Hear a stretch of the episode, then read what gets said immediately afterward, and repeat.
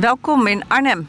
Wij staan hier eh, bij het informatiecentrum Koningsplei en hebben uitzicht op uh, drie molens, uh, deels in eigendom van de Rijn en IJssel Energiecoöperatie. En het is een imposant gezicht en ik geniet nog steeds van het draaien van die molens. We hebben er ja? tien jaar aan gewerkt Zo. en uh, ze staan er. Welkom bij de start van het vierde seizoen van Hier opgewekt, de podcast. Een serie over en speciaal voor lokale energiecoöperaties.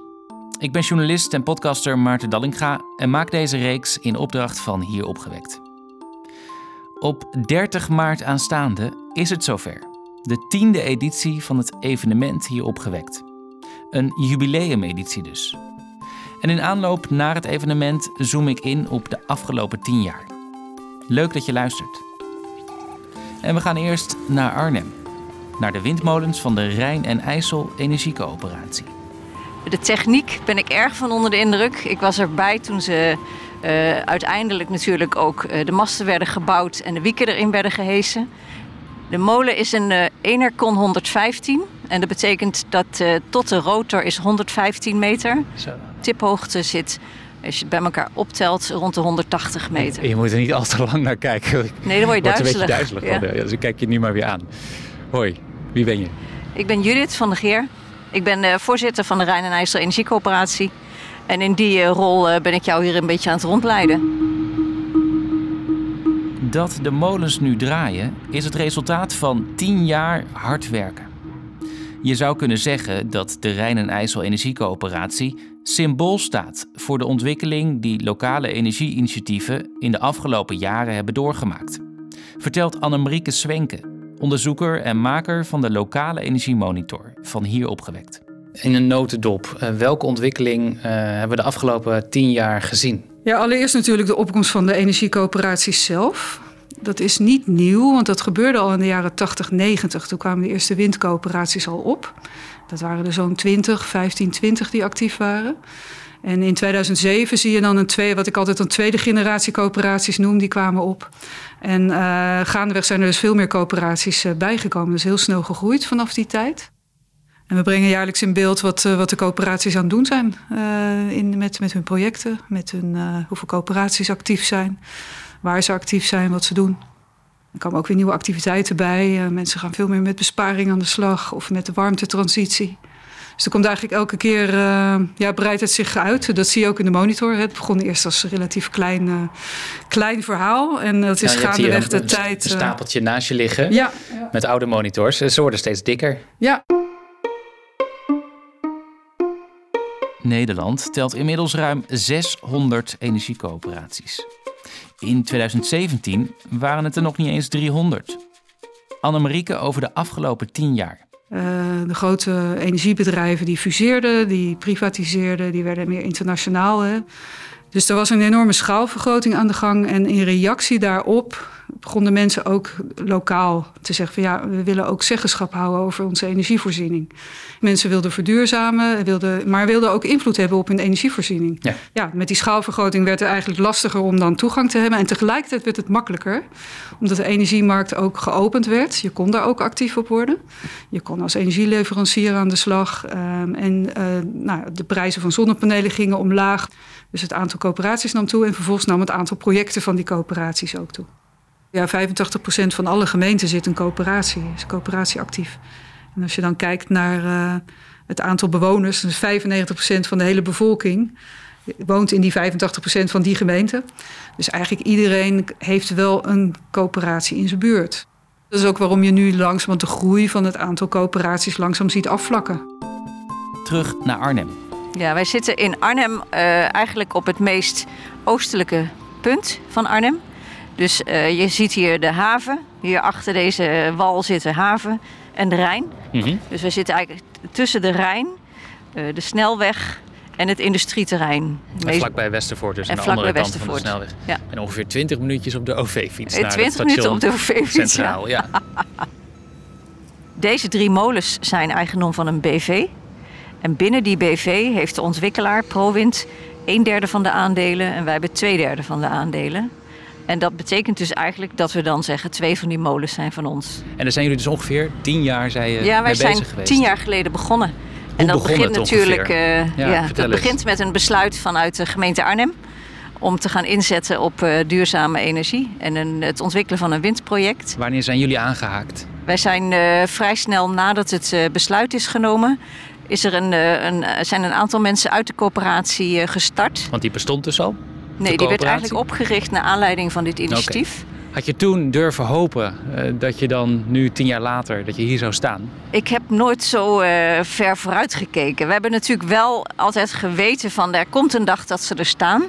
Maar we hebben in het proces toch ook wel zo eh, veel vertraging opgelopen. Wat waren de grootste hobbels? Nou ja, de vergunningverlening is natuurlijk een enorme hobbel. En een goede hobbel, want je moet natuurlijk een goede, betrouwbare overheid zijn eh, als je dit soort dingen toestaat. Maar in dat proces eh, zijn er een aantal momenten waarop je mensen bezwaar kunnen maken. En dat is ook helemaal niet verkeerd. Alleen hoe lang dat gaat duren en eh, ja, wat uiteindelijk de, de, het moment is waarop je dat kan afronden, dat is gewoon altijd spannend. En zeker bij de Raad van State. Ja, zover is er gegaan. Je hebt hier, we zitten hier aan een snelweg. En aan de overkant van de snelweg zit IJssel en daarachter ligt Westervoort. En mensen in Westervoort, zeker de mensen in de wijk die onmiddellijk grenst aan de, aan de dijk, hebben zich erg veel zorgen gemaakt over, deze, eh, over dit project. Waarom? Ze zijn bang voor geluid, ze zijn bang voor slagschaduw. eh, zijn ook eh, bang voor de lichtjes. En uiteraard hebben wij dan natuurlijk nu, als de vergunning eenmaal gegund is, kunnen we zeggen, we blijven echt binnen de normen. Maar of het uiteindelijk eh, eh, iets gaat opleveren in termen van overlast, dat moeten we gewoon gaan beoordelen. Maar jullie kwamen er dus niet samen uit. Eh, De rechter moest zich erover uitspreken. De raad, van- ja, de- ja. Ja. en daar in de Raad van State procedure, ja, dat, dat is vrij ondoorzichtig wat daar precies gebeurt in de planning. Dus je, je wacht eigenlijk Ja, tot ja. ze een beetje aan de beurt in zijn. spanning met Ja. samengeknepen billen. Op het kantoor van Hier Opgewekt in Utrecht heb ik een groepsgesprek. Mijn naam is Gijs Termeer, ik eh, ben directeur bij eh, Klimaatstichting Hier. Sander van Schaik van Green Choice, team klantprojecten. Ik ben sinds 1 januari ook manager van dat team geworden. Ik ben Stuart Zomer, coöperatief directeur Energie Samen. In hoeverre is waar we nu staan qua lokale energieinitiatieven in lijn met jullie verwachting van nou, ongeveer tien jaar geleden? Gijs?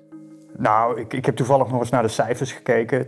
24 energiecoöperaties in 2010. Nu ja, ergens tussen de 6 en de 700. Eh, enorme groei van het opgesteld vermogen. Hè, Ik eh, keek nog eens, 2015 waren er ongeveer 100 eh, zonprojecten. Inmiddels zijn er dat eh, in 2000, eh, eind 2020 waren dat er 800 met 1000 in de pijplijn.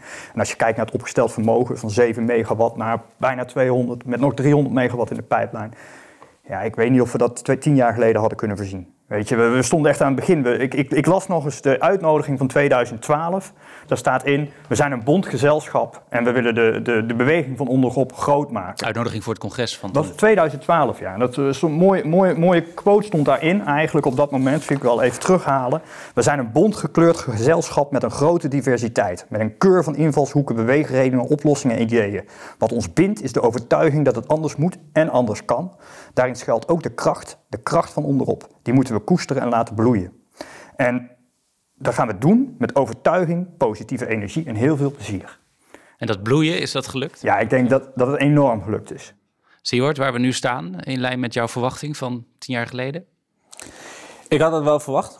En ik weet niet welk jaar het was, maar ik weet dat ik nog ergens een keer begonnen ben met van, ja, dit stop je niet meer in de fles. Het, het- er was ook geen stoppen aan. Ja, dan zag je ook naarmate eh, ze wat professioneler werden, beter gingen samenwerken in de regio's, maar ook op landelijk niveau, dat je die obstakels dan ook nog weer naar beneden weet te brengen. En wat doet het jou persoonlijk? Even de voetbalvraag.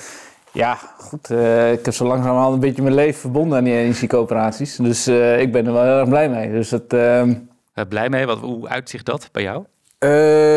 nou, dat mijn vrienden het niet meer kunnen horen, laat ik zo zeggen. ja, wat, daar gaat hij weer, zeggen ze dan. Sander van Green Choice, waar we nu staan, had je dit verwacht? Nee, ik denk dat het bij ons eh, bij Green Choice eh, niet eh, vanaf het eerste jaar al die verwachting was. Werd ook al wel met, met enige sceptisch werd er in eerste instantie naar gekeken van hey, wat gaan die clubs vrijwilligers nou doen en wat heeft Green Choice daar nou, uh, wat kunnen wij daar nou mee? Er werd ook wel, uh, wel vaker gezegd uh, van joh, maar dat is toch klein bier, wat gaan die nou voor elkaar krijgen? Intern bij jullie. Dat, werd, dat was in eerste instantie was dat ook enige sceptisch inderdaad, maar al vrij snel liet het toch wel zien dat er een kracht in die beweging zat.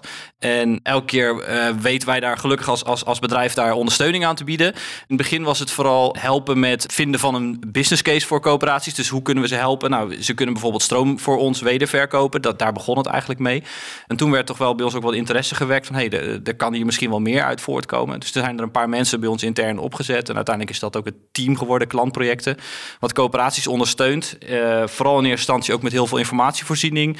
Nou, daar kunnen wij uh, mee helpen. We hebben natuurlijk ook een groot klantenbestand wat we graag inzetten. We willen graag dat onze klanten uh, zelf kunnen gaan opwekken. Dus daar vind je dan een match. Ik vraag onderzoeker Annemarieke Swenke om de groei van het aantal energiecoöperaties verder te duiden. Goede subsidieregelingen kwamen er. Uh, de zonnepaneelprijs ging omlaag. Uh, duurzaamheid werd als heel belangrijk gevonden. En uh, de do-it-yourself beweging, die je ook in de zorgsector ziet. En, en hè, waar burgers gewoon zeggen van ja, eigen, we willen verantwoordelijkheid nemen voor de samenleving dat, dat kwam eigenlijk allemaal een beetje samen zo rond 2008, 2010, 2012. En dat heeft een enorme lift gegeven. En vervolgens uh, ja, is, is het ook echt realiseerbaar, aantoonbaar realiseerbaar. Want er zijn coöperaties die allerlei projecten voor elkaar krijgen. Goed voorbeeld doet volgen. Ze zijn uh, vooral heel veel met, met collectieve zonprojecten bezig. Uh, maar ook met besparingsprojecten. Dus het organiseren, het ondersteunen van bewoners bij het verduurzaming van hun eigen huis. Als je echt naar investeringsprojecten kijkt, dan, dan zijn het vooral zonprojecten op daken. En een aantal coöperaties die, die, die gaat verder en die gaat grotere projecten realiseren. Dus wind, grotere windprojecten. En sinds 2010, 12 zie je ook vooral de, de, de zonneparken opkomen. Als je aantallen projecten te, telt, dan zie je veel meer zonnedaken. Maar 90% is zonnedak en 10% is zonnepark. Uh, als je naar de vermogens kijkt, is het 50-50 veel grotere oppervlakte, veel grotere vermogens. Ja. En als we inzoomen op de demografie van, van uh, energiecoöperaties, hoe, hoe, hoe, zijn ze samengesteld? Klopt het vooroordeel dat er nog steeds voornamelijk witte mannen van middelbare leeftijd bij betrokken zijn? Nou ja, dat heb ik nooit onderzocht en ik heb het nooit geteld en geturfd. Uh, maar de indruk is natuurlijk wel dat het dominant man is. Dat heeft ook veel te maken met het feit dat je in de energiesector actief bent, waar over het algemeen meer mannen actief waren. Ik zie wel langzamerhand steeds meer vrouwen ook actief worden in die coöperatieve beweging hoor. En qua leeftijd? Leeftijdsopbouw is wel 50 plus, 50 plus in de, in de trekkers, hè? in de mensen die echt actief zijn. Want daar moet je wel onderscheid tussen maken. Maar zie je toch ook dat er door de jaren heen meer jongeren bij betrokken raken? Of niet? Iets jonger. Het verschuift iets meer richting de 50 wellicht, denk ik. En dat heeft misschien te maken met het feit dat een, uh, op het moment dat er een coöperatie ook echt uh, projecten heeft waar ook geld in omgaat, dat je mensen ook kan gaan betalen. Ja. En wat voor ontwikkeling zien we op dat vlak uh, wat betreft professionalisering en betalen van mensen die. Ja, langzame professionalisering. Dat begint op het moment dat je projecten in beheer gaat hebben en, en, daar, en daar geld uitkomt. Dus vergeleken met tien jaar geleden worden meer mensen van energiecoöperaties betaald? Ja, het is, allemaal, het is wel vooral inhuur hoor. Met uitzondering van de grote coöperaties die al 20, 30 jaar bezig zijn. Daar zit dan een bedrijfsbureau op waar misschien vijf FTE aan mensen gewoon betaald uh, aan, aan de slag gaat. Je hoort opnieuw Judith van der Geer van de Rijn en IJssel Energiecoöperatie. Uh, wij, wij zijn als coöperatie echt professioneler geworden en dat moest ook wel. Want we zijn natuurlijk begonnen met een heel klein groepje enthousiastelingen. Maar soms schrik ik wel eens van wat je eigenlijk met zo'n project op de hals haalt. Ja. Want het is enorm. We hebben een penningmeester die heel goed in staat was om het hele financiële en het contractuele deel te, in te vullen met de, met de ontwikkelaar. Eh, ik denk in de meeste gevallen, zeker in dit geval, heeft de ontwikkelaar natuurlijk heel veel gedaan. Wij hebben vooral heel veel ingezet en eh, dingen geleerd over uh, de relatie met de omgeving. Maar zeker ook, en dat is natuurlijk waar wij uh, een hele belangrijke rol in hebben gespeeld, is het ophalen van het eigen vermogen om dit ook coöperatief te kunnen doen. Wat doen jullie verder als coöperatie? Wij hebben vier zonprojecten nu in ontwikkeling, waarvan er drie dit jaar opgeleverd gaan worden. Wij runnen ook Energieloket voor gemeente Arnhem, gemeente Reden, gemeente Renkum. Met energiecoaches en warmtescans en dat soort zaken. Ja, en dan nu dus voor het eerst? Voor het eerst een windproject, ja. Ook met Gijs Termeer van Hier en Siewart Zomer van Energie Samen praat ik over de verdere professionalisering van lokale energiecoöperaties. We hebben bijna een landelijke dekking. Ja. En eh, waarom zou er in één bepaalde gemeente drie energiecoöperaties zijn? Dat is niet, lijkt me niet eh, altijd even logisch. En je ziet gewoon dat als je ook kijkt naar het aantal projecten wat per energiecoöperatie er nu is, is daar zit de groei. En dus de impact van die, van die coöperaties die neemt toe in plaats van de aantallen. dus je ziet het in opgesteld vermogen, je ziet, maar je ziet het ook in, uh, nou, er is denk ik een brede groep energiecoöperaties. Je hebt een aantal grotere groepen die echt professioneel zijn en je, je vindt steeds meer die regionale samenwerking, de opzet van projectbureaus, wat energie samen ook ondersteunt. Je beweging is steeds professioneler geworden. Maar ik zie wel de soorten mensen die nu in het bestuur zitten van energiecoöperaties, oh ja? die zijn wel echt veranderd. In welke dus, zin? Uh, het, nee, vooroordeel, dat zijn allemaal witte mannen van middelbare leeftijd. Ja, het zijn nog steeds, maar nu zijn ze ook, hebben ze ook echt expertise. Nee, nee het zijn, uh, wat je ziet is, omdat die coöperaties in een minder ideale, ideale fase, hè, dus eerst was het meer een droom van we willen verduurzamen, we willen wat doen met onze bewoners. Ja. Maar dan ga je windmolens bouwen, dan heb je het over een miljoenenbedrijf. En um, dan zie je dat mensen aantrekken en denken van, ah, dit vind ik toch wel echt gaaf. Ja, dit kan ik ook. Ik heb, ik heb dat daar ooit een keer wat van daarmee gemaakt, of ik kan een groot bedrijf leiden. En dan zie je dat die, de eerste uh, bestuurders die dat vanuit idealisme opzaten, die zitten er nog wel in. Maar het trekt ook heel wat zakelijkere mensen bij. En dat vermengt Met hele specifieke kennis. Met specifieke kennis. Ik kijk naar nog een energiecoöperatie die zich in de afgelopen jaren flink heeft ontwikkeld. Energiecoöperatie Noordse Veld. Ik bel met bestuurslid Richard Ton. Een energiecoöperatie die eh, ruim tien jaar geleden is opgericht eh, in Langelo, het dorp waar ik woon. We zijn begonnen als energiegroep en hebben toen gezegd, nou dan willen we eens kijken wat, wat daar kan. Toen waren er nog niet zo gek veel coöperaties. Als je nou terugblikt, als je kijkt naar de ontwikkeling die jullie hebben doorgemaakt, wat, wat, wat valt je dan op? Dat wij uh, als coöperatie heel veel hebben kunnen doen. In Drenthe als organisatie met andere coöperaties. En daarna ook met uh, ons eigen energiebedrijf, Energie van Ons. Dat is echt ook een resultante van de coöperaties in Drenthe en daarmee ook Friesland en Groningen. En een eigen energiebedrijf. En uh, daarnaast, naast dit soort uh, ja, bijna bestuurlijke werk, hebben we in Noorderveld heel veel activiteiten ondernomen. Aanvankelijk uh, vooral informerend en gericht op besparing.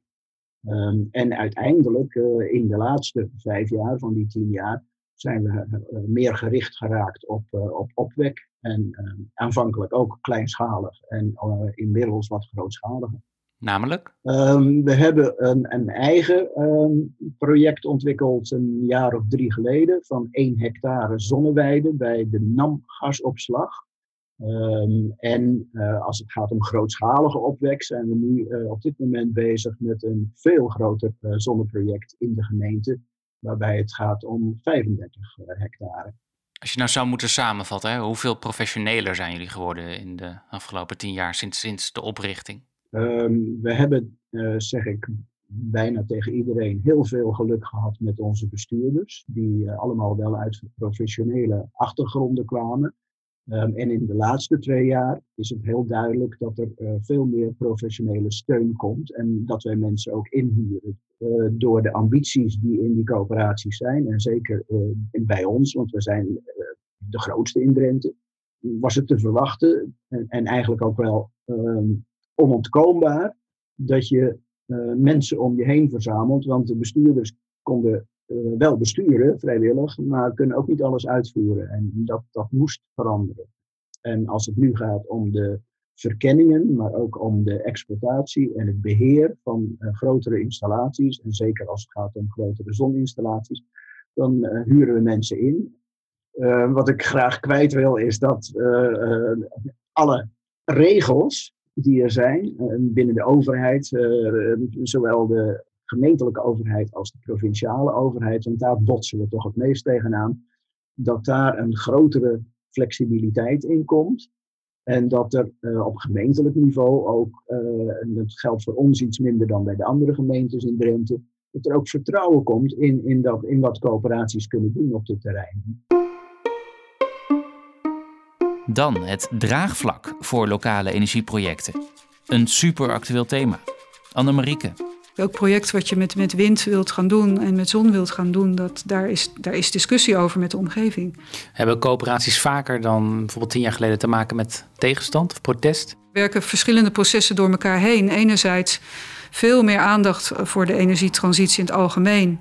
Sowieso meer wind- en, zon, wind- en zonneparken, waar weerstand tegen ontstaat, eh, en ongeacht wie het dan doet. En de coöperaties moeten in die omgeving opereren. En dat was 10, 20 jaar geleden. Was die weerstand tegen wind veel, veel minder. Maar we hadden ook minder wind. En zijn er dingen gebeurd in dat traject waarvan je nu zegt... hadden we misschien anders kunnen doen, beter kunnen doen? Wat voor mij wel belangrijk was om te beseffen... Judith in Arnhem. Is dat uh, in die hele vergunningprocedure zitten wij ook in de wachtstand. Maar is het ook te lang stil geweest naar de omgeving? Ja, ja. Dus zij zijn in het begin gehoord hebben daar allerlei zinvolle dingen gezegd. En toen is het eigenlijk te lang stilgebleven. En uh, dat betekende toen we daar uh, de draad weer oppakten, dat mensen eigenlijk ons, denk ik, ook terecht verweten van jullie informeren ons niet. Hmm. Jullie zijn een plan aan het bedenken. Jullie zeggen dat je ons wilt meenemen, maar uit niets blijkt dat je ons serieus neemt. Dus dan is de raad voor de luisteraar? Ja, om, om ook als er, als er voor je gevoel niks gebeurt, dat de omgeving wel degelijk. Ook, dat is ook nieuws, dat is ook ontwikkeling. Dat je toch een manier moet vinden om, uh, om elkaar te blijven spreken. Je hoeft niet zozeer met concrete plannen te komen als je maar ba met basisprincipes komt. Hè, er is hier een gebied aangewezen door de overheid. Daar kunnen windmolens komen en we gaan met u over hebben hoe we dat doen. We hebben een paar basisprincipes. Iedereen kan meedoen. De grondvergoedingen worden eerlijk verdeeld. En het wordt 100% eigendom van het dorp al dit soort dingen kun je alleen gewoon goed inrichten, dialogen. Is er op dit vlak, de, eigenlijk het psychologische vlak, hè, het, het, sociologische vlak ook een beetje, hoe je ja, draagvlak kan creëren en kan behouden, is er wat dat betreft een ontwikkeling geweest de afgelopen tien jaar bij energiecoöperaties? Ja, goed, er zijn genoeg energiecoöperaties ook wel tegen aangelopen. Ehm, we hebben ze nu zelf van Energie Samen Community of Practice. Um, dat is in eerste instantie een soort praatgroep van... Uh, ja, coöperaties die dan toch echt wel worstelen met zo'n felle tegenstand. Hè. En vaak zijn er, is dat ook maar een klein groepje die echt gewoon heel agressief.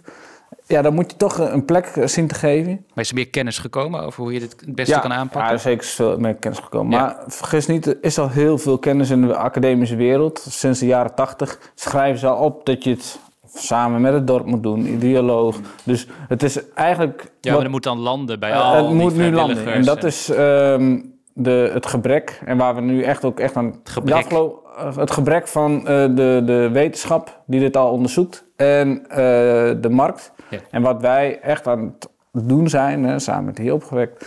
is die kennis die er is, echt tot in die haarvaart te laten komen. Over kennisdelen gesproken, dat gebeurt ook in algemeenheid steeds meer, vertelt Annemarieke. Kan je dan zeggen, um, coöperaties staan steeds minder alleen. Ze hoeven steeds minder vaak het wiel zelf uit te vinden? Ja, zeker, zeker. Eigenlijk is de drempel lager geworden om ja. te beginnen. Ja. Maar je moet het wel even zien dat dat zo is. Je moet het zien en je moet ervoor openstaan. En op het moment dat je eventjes je best doet en, en gewoon eens wat contacten gaat zoeken, dan, dan gaat er een enorm netwerk voor je open.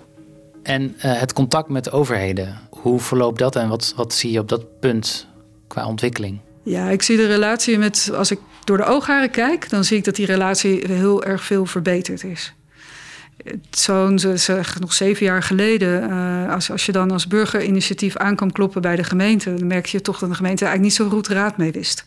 Ja, dan moet je namens zo'n stel uh, enthousiaste mensen en, wat gaan die dan doen? En moet ik dat serieus nemen? Hè? Um, en dat is echt wel anders. En ik denk dat dat toch ook echt helpt dat, de, dat er in zoveel gemeentes gewoon inmiddels coöperaties actief zijn. En ze hebben laten zien wat ze kunnen. Geldt het ook voor de provincie? Provincies uh, vind ik over het algemeen, wat ik ervan zie, behoorlijk ondersteunend. Soms zelfs meer nog dan gemeenten. Uh, hier in Zuid-Holland bijvoorbeeld hebben we een, een provincie die uh, een behoorlijk goede, goede subsidie heeft voor lokale energieinitiatieven. En daarmee zijn behoorlijk wat coöperaties ook in het zadel geholpen. Eigenlijk met name de gemeente hebben we natuurlijk te maken gehad. Ja, dat is eigenlijk heel collegiaal verlopen. Waarbij we wel in het begin ook merkten dat de, de positie van de coöperatie in dat hele proces moesten we echt een beetje bevechten. Oh ja, waarom? Uh, het leek gewoon logischer en meer voor de hand te liggen dat de ontwikkelaar zaken deed met de gemeente. En de rol die de coöperatie daarin had, was helemaal niet zo duidelijk. En uh, wij konden dan wel zeggen, wij zijn voor de omgeving en wij gaan zorgen dat er voldoende eigenaren zijn die willen meedragen, bij willen dragen aan dit project. Maar wat nou precies onze rol was in die hele ontwikkeling, daar hebben we ons echt een beetje, uh, nou ik wil niet zeggen in moeten vechten, maar dat heeft echt moeten groeien. Jullie werden een beetje als, als klein duimpje. Ja, we werden niet echt uh, serieus genomen. Wat heb je geleerd op dat vlak? Nou ja, ik denk dat een deel van die relatie ook ontstaat in de samenwerking met de ontwikkelaar. En daar hebben we ook gewoon meer in moeten investeren. Gijs Termeer van hier ziet steeds minder sceptisch bij overheden en bedrijfsleven. En ik denk dat inmiddels, met name ook bijvoorbeeld die projectontwikkelaars, maar ook door die 50% lokale eigendom, die beweging gewoon echt als een hele serieuze professionele beweging zijn gaan zien. En gemeentelijk ook. Ik zie dat bij mij lokaal ook. De Waar is dat? Uh, in de beeld. Uh, de energiecoöperatie is zoveel meer dan een, een, een coöperatie die zon, zonnepanelen heeft. Weet je, ze, ze doen ongeveer lokaal energieambassadeurs, alle energiebesparing, ondersteunen van bewonersinitiatieven in de warmtetransitie, uh, communicatie, uh, voorlichtingsavonden. Het gaat niet alleen maar over een, een, een, een, een zonneveld. Dus die energiecoöperatie is voor een gemeente gewoon, uh, denk ik ook op dat vlak enorm belangrijk. Gijs noemde het al even, de warmtetransitie. Onderzoeker Annemarieke Swenke. Ja, je ziet een, een opkomst uh, eigenlijk vanaf 2016, 2017 is die, die warmtetransitie natuurlijk ook steeds, steeds prominenter in beeld. Dat is ook heel logisch. Want uh, ja, twee, twee derde geloof ik van ons energieverbruik van consumenten zit hem gewoon in warmte. Dus daar moet je een oplossing voor vinden. De coöperaties zijn erop actief. Uh, dat brengen we ook steeds beter in kaart. Het is wel vooral onderzoeksfase is nog lastiger omdat je ook gewoon die koppeling tussen uh, het project zelf en de afnemers is veel directer dan bij wind. Wat voor ontwikkeling verwacht je voor de komende tien jaar? Ja, het staat of valt met wat coöperaties kunnen. Hè? En op het moment dat het lastiger wordt om wind- en zon, zonprojecten te realiseren, om wat voor reden dan ook, of omdat de subsidie heel smal wordt en het gewoon financieel eigenlijk niet meer te doen is, of omdat er geen ruimte is. Dan, of als het draagvlak nog minder wordt. Of als het draagvlak nog minder wordt voor wind en zon, dan, dan zonneparken, dan echt hè, de grondgebonden mm. projecten. Dan is het echt heel lastig om iets te doen. Ja, wat blijft er dan over? Dan blijft er nog steeds heel veel werk over. Namelijk uh, je medeburgers en bewoners meehelpen om hun huizen te verduurzamen. Dat kan. Je kan, uh, en dat gaat ook door. Dat, dat, dat blijft doorgaan. Uh, de warmtetransitie is natuurlijk heel veel op te doen. De next thing is wel uh, klein collectieve warmteoplossingen. Dus denk aan clusters van 10, 20, 30, misschien 100 of 200 huizen... die samen één warmtebron exporteren met een, met een, met een klein warmtenet. Ik verwacht dat daar de komende jaren veel op gaat gebeuren. Uh, aardwarmte zeker ook, ja. tot ja, heel diep, dat wordt dan meteen weer heel kapitaalintensief... als je echt naar geothermie gaat kijken... Dus uh, ja, wat gaat er de komende tien jaar gebeuren? Zeker die warmte, dat zie ik echt nog wel doorgaan. Daar is ook echt nog heel veel te verkennen en heel veel te organiseren en te doen. En naar Deens model, waar eigenlijk alle warmtenetten en collectieve voorzieningen gewoon deels eigendom zijn van de afnemers zelf, van de bewoners. Waarom zou je dat in Nederland niet doen? Dus dat gaat zeker door. En uh, met wind en zon uh, staat of valt alles met wat, wat er überhaupt kan. Dus uh, daar lopen de coöperaties tegen dezelfde soort obstakels aan als, als alle, alle partijen die daar iets willen. Als ik je over tien jaar bijvoorbeeld weer zou spreken, waar staan jullie dan als coöperatie, denk je? Durf je een verwachting uit te spreken? We zullen meer projecten hebben in onze portefeuille, vooral meer zon en misschien wind. Ik ga ervan uit en zet me daar ook echt voor in dat we uh, meer bijdragen aan de ambities uit de regionale energiestrategie. Dus dat is in dit gebied zijn er echt nog wel dingen die uh, ingetekend zijn als kansrijke gebieden. En daar zullen wij echt een bijdrage aan leveren of geleverd hebben over tien jaar. We zijn aan het verkennen, zoals veel coöperaties, maar dat is nog heel pril. Maar over tien jaar zal dat misschien meer inhoud en vorm hebben gekregen. Of wij iets met coöperatieve warmtenetten willen, met buurtwarmte. En verder denk ik dat we over tien jaar ook echt stappen hebben gezet in, uh, in uh, inclusiviteit. In de zin van dat we ook uh, projecten hebben voor mensen met lagere inkomens. Dus wij hebben ook voor komende projecten zijn we ook wel aan het nadenken over manieren om of de, de aandelen gewoon veel goedkoper te maken. Of een project te ontwikkelen alleen maar voor uh, mensen met een lager inkomen. Maar echt nadrukkelijk ook die, uh, die energietransitie binnen het bereik van mensen met een lager inkomen te brengen. Een enorme uitdaging voor de komende tijd is de warmtetransitie. Zegt ook Gijs van hier. Als jij met een, een deel van mensen uit je dorp ergens zonnepanelen op een school wil leggen, ja, dan heb je alleen maar medestanders nodig. Als jij een wijk van het aardgas van wil halen, heb je echt iedereen nodig. Je mhm. moet tien keer bij iedereen aanbellen, bij wijze van spreken. Nou, en dan vervolgens heb je ook nog eens weer die markt die eromheen zit. Dus bij wijze van spreken, toen je 10, 12 jaar geleden begon met de projectontwikkelaars en netbeheerders, wat is een energiecoöperatie eigenlijk? Die warmtebedrijven, die stellen nu dezelfde vraag, bij wijze van spreken. Nou, dan is de wetgeving nog niet op orde. Nou, dan is er nog van allerlei andere afspraken in het klimaatakkoord die best wel ingewikkeld uh, zijn. Maar je ziet nu, en, dat doen we nu met, samen ook met de participatiecoalitie, hebben wij ongeveer al 400 van dat soort bewonersinitiatieven die ergens zich in het stadium bevinden van uh, we willen hier lokaal mee aan de slag. Mhm. Maar ja, we willen ook in 2030 eigenlijk gewoon al, al ongeveer duizend wijken hebben die uh, verduurzaamd dan wel van het aardgas zijn. En ik zie niet in hoe een gemeente een wijk van het gas kan halen zonder dat ze de bewoners centraal zetten. En dus hebben ze die bewonersinitiatieven uh, nodig. Ik vind wel, ze moeten af en toe wel oppassen dat ze niet het werk van de gemeente gaan uitvoeren. Hè? Uh, gaan jullie nog maar even lekker die participatie van de bewoners in die wijken organiseren. Uh, dat is wel iets wat. Hè, het is natuurlijk ook een kans. Het draagvlak voor een ander creëren. Draagvlak voor een ander creëren. Ja, het, ingezet worden eigenlijk. Hè, dus dat, daar zit er wel een risico in. Uh, dat, en dan word je op een gegeven moment, als je niet uitkijkt, als verlengstuk van de gemeente gezien. Hmm. Maar aan de andere kant vind ik die warmtetransitie. Ik vind dat het vraagstuk van uh, opwek op land is uitdagend. Maar dit is nog vele malen leuker. Ja, dus eigenlijk. Er zijn ontzettend veel ontwikkelingen geweest de afgelopen tien jaar. En, en er komen nog heel veel grote uitdagingen aan. We, we zijn warm gedraaid. Ja, nou, dat is een mooie, ja. mooie conclusie. Wat is jouw verwachting uh, voor de toekomst, voor de komende jaren, Sander van Green Choice? We blijven eh, die beweging uh, ondersteunen. we zijn een van de partijen die mee, heel hard meegewerkt heeft aan de nieuwe SCE-regeling, dus de nieuwe subsidieregeling voor coöperaties. Um, en ja, we blijven ook eigenlijk in de projecten die we zelf ontwikkelen, dat willen we bij alle projecten met, samen met een coöperatie doen.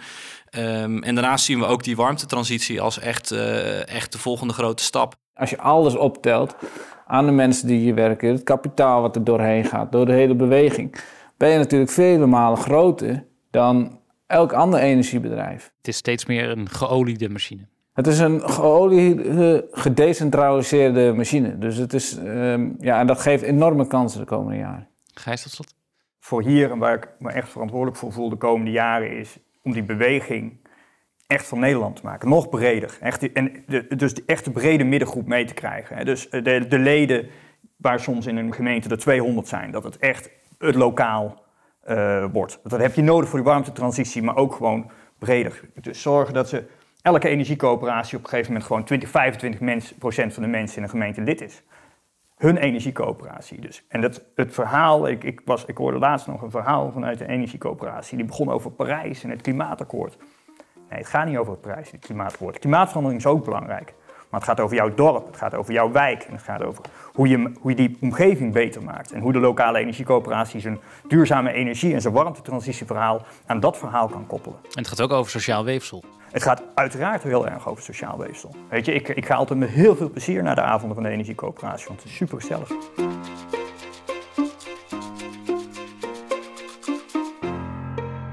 Dit was de eerste aflevering van seizoen 4 van Hier opgewekt, de podcast. Gemaakt door mij, Maarten Dallinga, in opdracht van Hier opgewekt. Enthousiast, leuk als je anderen over deze serie vertelt. Eerdere afleveringen vind je onder meer bij Spotify en Apple Podcasts en op hieropgewekt.nl. De volgende drie afleveringen verschijnen kort na het congres van 30 maart. Reageren kan via info.hieropgewekt.nl. Bedankt voor het luisteren.